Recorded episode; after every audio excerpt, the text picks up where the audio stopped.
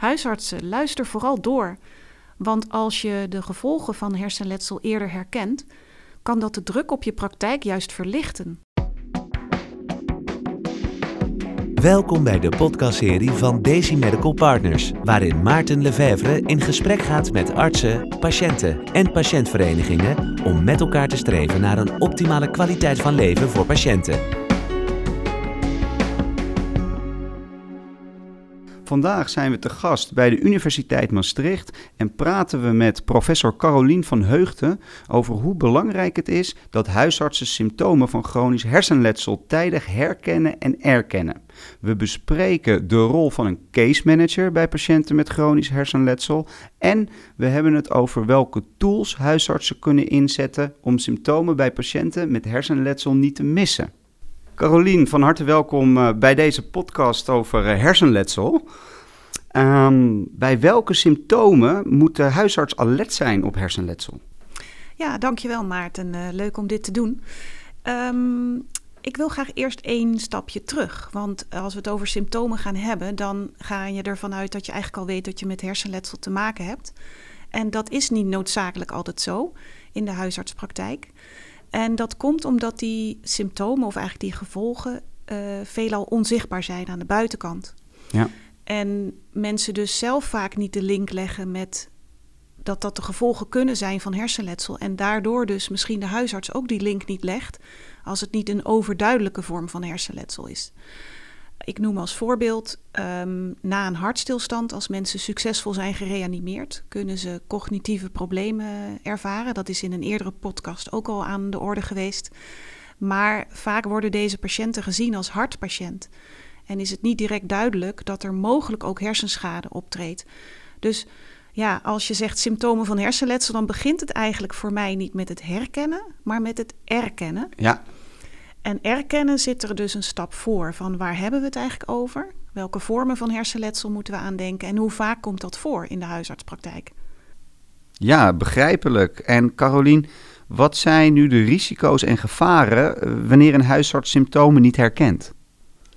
Ja, het is niet zozeer minder vaak herkennen, maar de link wordt niet altijd gelegd, omdat deze gevolgen onzichtbaar zijn aan de buitenkant. En daardoor ja, worden ze wel eens vaag genoemd. Nou, Voor een patiënt is dat heel erg als je zegt je klachten zijn vaag, dus wij noemen ze liever A-specifiek. En daar zit het probleem. Dus als iemand in de huisartspraktijk komt met ik slaap slecht, of ik heb, ben zo geïrriteerd, of ik kan me niet goed concentreren op mijn werk, dan kan dat natuurlijk heel veel oorzaken hebben. Um, dat kan ook een live event zijn, waardoor je heel veel piekert. Of je hebt een nieuwe functie, waardoor je eigenlijk boven je macht werkt. Dus de link naar dat onderliggend hersenletsel wordt niet altijd gelegd. Als niet de patiënt al bekend is bij de huisarts, als bijvoorbeeld een patiënt die eerder een CVA heeft gehad. Want die herkent de huisarts vaak wel. Ja. Want dat staat in het dossier. Maar dan nog wordt er vaak gedacht: de patiënt heeft het overleefd, de patiënt heeft succesvol gerevalideerd en dan is het klaar. Maar voor de patiënt begint het dan pas. En wat zijn nu specifieke symptomen die de huisarts moeilijk herkent?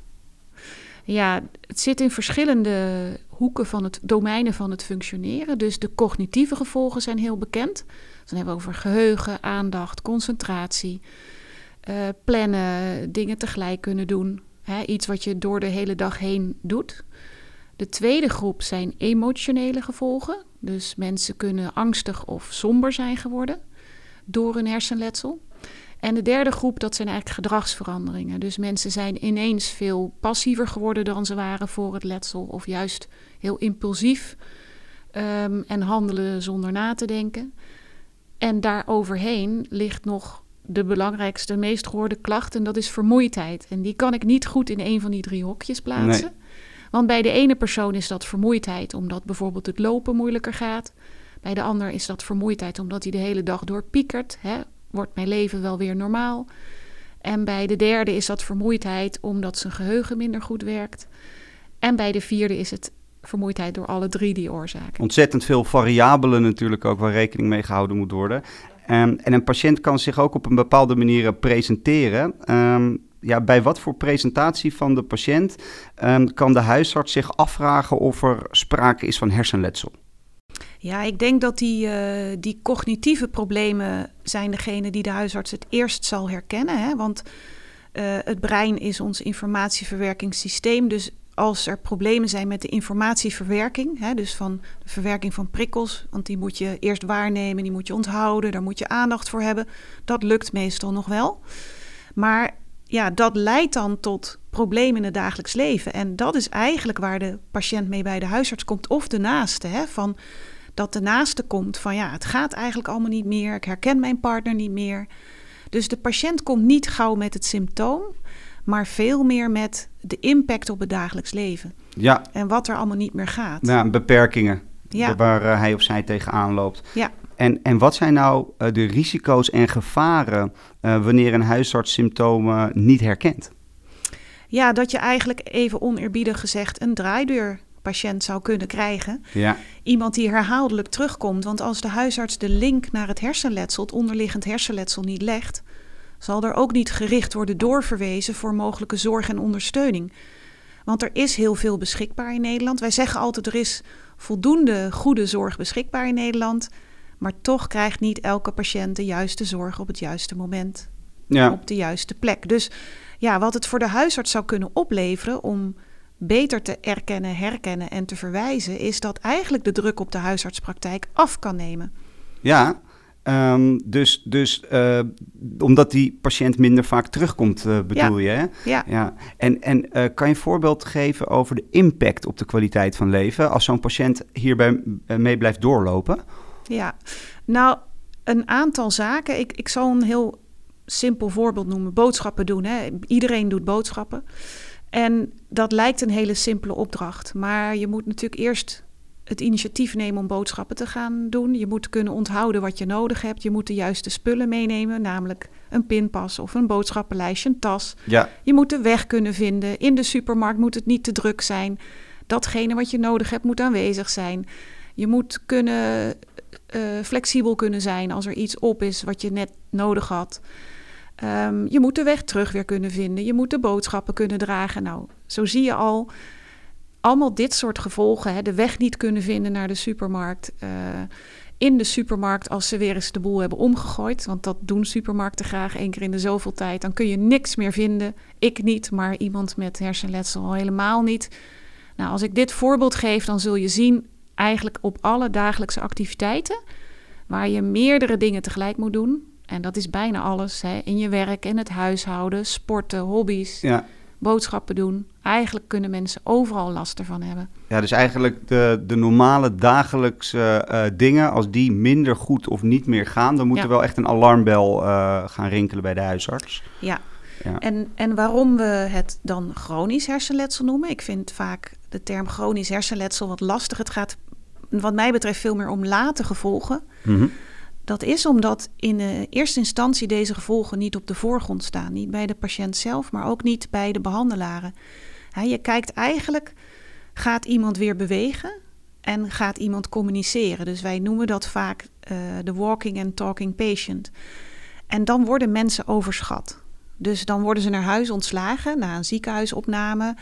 En dan is het eigenlijk ook voor de patiënt zelf nog niet, niet duidelijk hè, dat de eisen van het dagelijks leven zoveel groter zijn dan in een ziekenhuisbed liggen en jezelf weer aan kunnen kleden en met je familie kunnen praten. Dus eh, mensen worden vaak naar huis ontslagen zonder dat er aandacht voor die gevolgen is geweest, waardoor ze het zelf ook niet weten dat het erbij hoort. En dat de huisarts dan eigenlijk te laat ermee geconfronteerd wordt. En ook nog wel eens kan denken: deze patiënt heeft revalidatie gehad, dus het moet toch goed gaan. Ja, en, en- ja, ja, en dan niet helemaal eh, zich bewust is van eh, de impact die dit heeft op het dagelijkse leven van die patiënt. Ja, ik eh, kan daar wel een meer praktisch voorbeeld van geven. In de revalidatie zou je kunnen zeggen, wordt er heel erg op vaardigheden en activiteiten getraind. Dus bijvoorbeeld bij iemand die eh, in een rolstoel eh, terechtkomt, kun je je voorstellen dat de rolstoeltraining wordt gedaan tijdens de revalidatie. Maar wat het betekent om met een rolstoel in de buitenwereld gezien te worden en ook te durven met je rolstoel naar buiten te gaan en ineens voor allerlei situaties terecht eh, te komen die niet in de revalidatie getraind waren. Wat doe je dan? Hè, kruip je dan terug in je schulp of ga je het toch uitproberen? Stap je over die uh, ja, schaamte heen dat je in een rolstoel gezien wordt? Dus dat tweede stuk, hè, hoe ga je om met die gevolgen in het dagelijks leven? Ja, dat moeten mensen heel vaak zelf doen. Dus belangrijk dat er ook veel aandacht voor de psychosociale uh, gevolgen is. Ja, ja. ja. Ja. En op welke manier uh, kan de huisarts invloed uitoefenen op de patiënt, zodat uh, deze meer controle over zijn of haar ziektebeeld krijgt? Um, want hè, we, we, zien al dat die huisarts af en toe dan uh, de psychosociale gevolgen misschien niet helemaal scherp heeft. Maar hoe kan hij daar echt een mooie rol in spelen? Ja, ik denk dat de huisarts dan zelf ook moet nagaan van... Uh, past dat bij mij? Wat voor soort huisarts ben ik? Want uh, sommige huisartsen hebben natuurlijk, hè, zijn artsen die heel duidelijk voor een medisch beroep gekozen hebben. En misschien zelf ook wat minder ruimte voelen om ook naar dat psychosociale stuk te kijken. Dus ik denk dat het bij de huisarts zelf begint van wil ik hier mijn expertise en mijn tijd en mijn aandacht aan besteden? Of zou ik liever willen doorverwijzen in de regio naar anderen die daar misschien meer tijd voor hebben, meer expertise op hebben? Dus ik denk dat het daar begint. Van, uh, uh, mensen hebben natuurlijk vooral heel veel uitleg nodig en ondersteuning nodig. Geruststelling met name. Um, en ja, niet iedere huisarts zal daar de ruimte voor voelen, ook qua druk in de huisartspraktijk. Ja, en je zei net al iets over ondersteuning vanuit de omgeving. Um, ja, wat zou een taak van een case manager bijvoorbeeld kunnen zijn? Ja, een case manager voor hersenletsel, die hebben we officieel nog niet. Dus het, het is een. Uh, het is mogelijk een nieuwe functie in de gezondheidszorg. Maar als we het nu niet zien als een professional, maar meer als een rol. Hè, dus uh, case management betekent dat iemand geholpen kan worden met uh, de juiste zorg op het juiste moment of de juiste ondersteuning op het juiste moment te vinden. Dus iemand die niet op één stukje van de zorg gaat zitten, zoals bijvoorbeeld de fysiotherapeut of de logopedist, maar iemand die bij wijze van spreken de fysiotherapeut en de logopedist allebei kent en die twee met elkaar in contact kan brengen om de zorg af te stemmen. Ik heb zelf laatst iemand meegemaakt die had van twee verschillende therapeuten in de eerste lijn ademhalingsoefeningen gekregen. En dat is heel verwarrend voor die persoon. Want uh, moet ik nou de ademhalingsoefeningen doen van de fysiotherapeut of die van de logopedist? En dat zou eigenlijk niet een vraag moeten zijn die de patiënt zelf stelt. Dus je kunt je voorstellen, daar heb je case management. Iemand die weet welke zorg er allemaal geboden wordt en daar een beetje als een helikopter boven gaat zitten. En dat zou de huisarts zelf kunnen zijn. Maar nogmaals, dat hangt van de huisarts zelf af. Ja. Dat kan ook de maatschappelijk werker van het revalidatiecentrum zijn, of misschien de wijkverpleegkundige, um, of uh, de thuiszorgcoördinator die er wel eens is in de regio. Het is in elke regio anders, dus ik kan niet zeggen die persoon moet het doen. nee, maar stimuleert de case manager dan, uh, als ik het goed begrijp, een beetje het multidisciplinair samenwerken? Ja, maar vooral ook de, door de bomen het bos blijven zien. Um, de zorgverleners werken allemaal in hun eigen hokjes en expertise. Maar het dagelijks leven van de patiënt, dat, dat is niet in hokjes te vatten. Dat, is natuurlijk, dat loopt allemaal door elkaar heen. Dus als iemand een vraag heeft over aangepast sporten, um, ja, dan moet je eerst al weten wat voor sport deed deze persoon eerst. Bestaat dat in aangepaste vorm? En waar zou je dat dan kunnen vinden? Dus je moet eigenlijk terugkeer naar sport doet de fysiotherapeut. Kijken of er aangepast sporten is, ja, dat doet misschien de maatschappelijk werker. ja. Maar ja, dus ja, het is eigenlijk de, de helikoptervisie. Ja, en goed richting geven. Ja, ja. en die, dat is niet noodzakelijk de zorgverlener zelf. En daarom kan natuurlijk de huisarts het ook wel zijn. Maar je moet wel heel goed het overzicht hebben en je moet vooral je regio goed kennen. En dat kan de huisarts niet voor alle diagnoses. En daarom zeggen we wel eens: het zou beter zijn als iemand anders dat doet. Meer een professional op het gebied van hersenletsel. Ja, en, en veel huisartsen zien de klachten van hersenletsel als solkklachten. Uh, misschien goed om uh, dat, die term eerst even uit te leggen. Ja, solk uh, wordt niet meer gebruikt als term. Oh. Um, nou, maar dat is vrij recent, dus dat kan dat je die gemist hebt. Maar SOLK staat voor somatisch onvoldoende verklaarde lichamelijke klachten. En het lastige is dat deze mensen, als je een hersenletsel hebt gehad, dan kunnen we een stuk natuurlijk somatisch best verklaren. Want er is namelijk schade in de hersenen. Maar daarmee kun je niet alles verklaren. Want niet alleen de schade aan de hersenen maakt dat iemand een klacht ervaart, maar welke persoon het is die dat hersenletsel krijgt en welke rol de omgeving speelt, zijn ook heel belangrijk in het ervaren van een klacht. Dus ik zeg altijd: een klacht is iets anders dan een restverschijnsel. Ja. Dus je kunt zeggen, na een beroerte kun je geheugenstoornissen hebben. Dat is het somatisch verklaarde deel. Maar hoeveel last jij in je dagelijks leven hebt van die geheugenstoornissen, in hoeverre jij vergeetachtig wordt, ja, dat wordt heel erg bepaald door hoe ga je als persoon om met de gevolgen van ziekte, maar ook wat vraagt jouw rol in de omgeving. Dus als jij een baan hebt waarbij je helemaal niet veel hoeft te onthouden, dan zal je veel minder snel klagen over geheugenstoornissen Ja. dan wanneer je een baan hebt waarbij dat wel moet. Ja.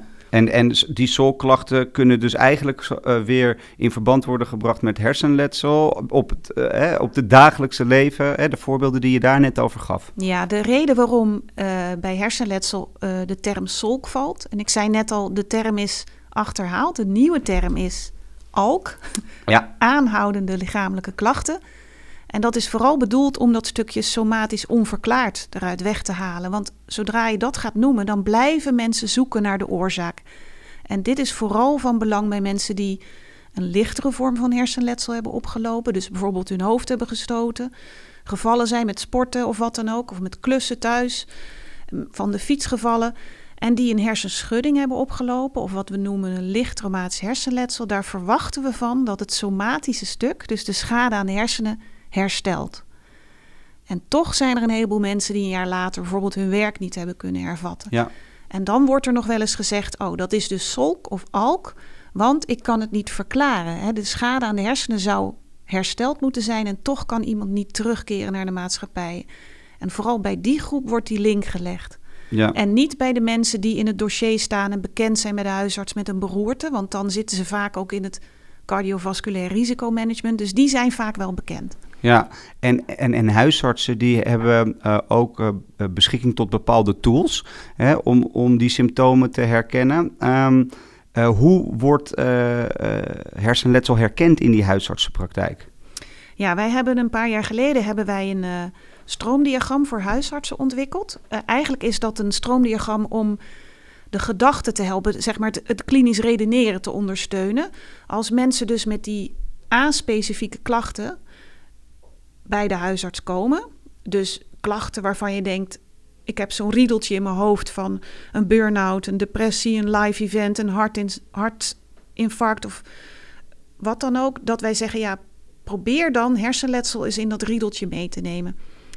Als je dat doet, dan zou je alles in je dossier kunnen gaan kijken van... goh, is deze persoon misschien in de laatste maanden een keer op de spoedeisende hulp geweest... en Ja. was er genoteerd in het dossier dat het hoofd betrokken was bij de val. Dat komt namelijk pas naar voren als mensen komen met klachten... waarbij de huisarts direct denkt aan die val. En de mensen leggen zelf die link niet altijd. Dus als je dat weet, zou je kunnen zeggen... ja, sinds ik op mijn hoofd gevallen ben, ben ik veranderd. Ja, Maar daarmee komen de mensen niet. Dus wij zeggen ja, als je nou in dat riedeltje van mogelijke oorzaken van die vage, even onderbiedig gezegd, klachten, hersenletsel meeneemt, denk aan hersenletsel, zo hebben we de tool ook genoemd. Dan zou je in je dossier kunnen kijken of je daar aanwijzingen voor kunt vinden. En zo niet, dan zou je eventueel terug kunnen verwijzen voor een diagnose. Ehm, bij bijvoorbeeld een neuroloog. Maar dat zou ik dan weer niet aanraden bij de lichtere letsels, waar misschien al een keer diagnostiek is gepleegd. En dan zou je eigenlijk de volgende stap moeten zetten. En, en dan is het belangrijk, wie zet die volgende stap? Ga je dat zelf doen als huisarts? Dus ga je zelf bijvoorbeeld een nieuw consult plannen met iets meer tijd om het allemaal uit te leggen? Of ga je toch liever doorverwijzen in je regio naar iemand die dat qua tijd en expertise misschien beter kan? ja, dus de tool helpt ook eh, echt verbanden te leggen. Ja, Ja, ja. Ja, En- en, en- we zijn nu een scholing aan het ontwikkelen om die tool ook echt in het redeneren van de huisarts te krijgen. En we zeggen dus ook echt, die scholing komt niet in plaats van de medisch-neurologische scholing, maar die komt naast of bovenop de medisch-neurologische scholing. Dus het gaat veel meer om dat herkennen van die psychosociale gevolgen. Ja, mooi om te horen dat, eh, dat toch die psychosociale gevolgen nu goed eh, belicht worden eh, voor de huisarts. Ehm, en hoe kan de huisarts deze tool implementeren? Ja, de tool is beschikbaar. We hebben in januari 2020 hebben we in het tijdschrift Huisarts en Wetenschap hebben we de tool aangeboden in een wetenschappelijk artikel. En daar hebben we ook uitgelegd waarom dit van belang is. Dus daar komen een aantal zaken die ik nu heb gezegd ook aan de orde. Dus de tool kunnen ze al uh, uh, zien, die kunnen ze al gebruiken en die spreekt voor zich. Maar in die scholing die we dus nu met steun van de Hersenstichting aan het ontwikkelen zijn, die komt vanaf het najaar op de markt. Hè, kunnen ze in hun eigen regio uh, bij de volgende scholing die wordt georganiseerd ervoor kiezen om deze scholing uh, te volgen. Ja, want je moet er dus ook nog wel even mee leren werken, begrijp ik hieruit. Ja, kijk, wij zeggen de tool is bedoeld om te erkennen, herkennen en door te verwijzen. En mocht zo'n gesprek als dit al voldoende is om te erkennen en te herkennen, ja, dan zou ik zeggen, zet dan vooral de volgende stap, namelijk verwijs. En daarvoor moet je de regio goed kennen. Dus uh, ga in gesprek. Ja. Uh, hey, en en wordt, wordt de tool momenteel al succesvol ingezet of zit die echt nog in de testfase? Ja, dat is een lastige vraag, want dat weet ik niet. Ik heb niet geturfd, ik heb niet gevraagd aan huisartsen hoe nee. vaak gebruik je hem. En het mooiste van zo'n tool die eigenlijk als een soort beslisboom werkt voor het klinisch redeneren, is dat die op een gegeven moment overbodig moet zijn als je hersenletsel in het riedeltje van, oh, dat is een mogelijke, ook een mogelijke oorzaak van A-specifieke klachten. Als je dat erin hebt zitten, ja, dan heb je strikt genomen die tool niet meer nodig. Dus ik weet niet hoe ik het moet tellen, zeg maar. Nee, ik snap het. Het is ook de manier van uh, werken die er dan inslijpt, waardoor het uh, een automatisme ja. hè, hopelijk wordt. Ja, ik werk met een huisarts samen uh, nu om die scholing te ontwikkelen. En zij zegt ook van sinds ik met jou samenwerk, herken ik de mensen in mijn huisartspraktijk veel vaker. En gaat het inderdaad om veel meer mensen dan die drie of vier CVA-patiënten die ik zelf al op het netvlies had. Dat is dus al een winsituatie. Ja. ja. Wat goed om te horen. En buiten de tool, um, um, hoe zouden huisartsen beter geschoold kunnen worden om die symptomen eerder te, te herkennen en te erkennen? Ja, ik denk um, dat we dan moeten denken aan dat we breder, een bredere visie op gezondheid uh, zullen gaan hanteren. En dat moet natuurlijk niet alleen maar voor hersenletsel. Ik bedoel dan, ja, we, we moeten niet altijd blijven redeneren vanuit dat medisch verklaringsmodel. Want de, problemen en dus de oplossingen zitten vaak niet in de medische hoek. Enerzijds omdat ze misschien niet aan te tonen zijn, zoals bij de solk of alk, en anderzijds omdat we ze nog niet kunnen repareren. Dus als er hersenletsel is, dan is vaak de eerste paar maanden zijn die hersenen in staat om zichzelf te herstellen. En dat herstel stimuleren we met revalidatiebehandeling. Maar daarna ontstaat er een soort status quo en moeten toch mensen met die gevolgen leren leven. Ja. Dus ik denk een bredere kijk op gezondheid. Dat helpt al. En dat leren we nu in een sneltreinvaart bij uh, COVID. Want er zijn in de huisartspraktijk nu ook ineens een heleboel mensen met long COVID. En die hebben ook allerlei cognitieve klachten. Zoals hè, concentratieproblemen, geheugenklachten. En ja, dan zou het zo kunnen zijn dat je denkt dat iedereen die long COVID heeft, hersenschade heeft. Nou, we weten nog niet alles en we zijn onderzoek aan het doen. Maar dat kan ik alvast wel bevestigen, dat dat niet zo zal zijn. Nee, nee, nee. En daar hebben we ook een podcast over gemaakt voor de huisartsen die die willen terugluisteren. Ja. Uh, met Paulien Goossens en Lisbeth van der Wal. Um, Carolien, we zijn alweer aangekomen bij het laatste onderdeel uh, van de podcast. En we, we, willen graag afsluiten met een algemene tip. Wat zou jij huisartsen nu willen meegeven uh, in hun dagelijkse werk, gekeken naar patiënten met chronisch hersenletsel? Ja, ik zou willen meegeven dat uh, de aandacht die ik vraag voor andere vormen van hersenletsel en late gevolgen van hersenletsel in huisartspraktijk, dat dat juist niet tot meer werk, maar tot minder werk leidt. Want vaak hoor ik dat huisartsen zeggen: ja, uh, die drie of vier CVA-patiënten die heb ik op het netvlies. En nog meer groepen erbij kunnen we helemaal niet aan. Terwijl ik denk, deze mensen komen heel vaak terug. En um, je zou ze gerichter kunnen doorverwijzen naar de juiste plek op het juiste moment. Dus ik denk dat je als huisarts er heel veel baat bij kunt hebben om deze mensen eerder te herkennen en door te verwijzen. Nou, wat een uh, prachtige afsluitende tip. Uh, ik wil je ontzettend bedanken. En ik vond het een hartstikke leuk gesprek. Dankjewel, vond ik ook. En succes met de serie. Dankjewel.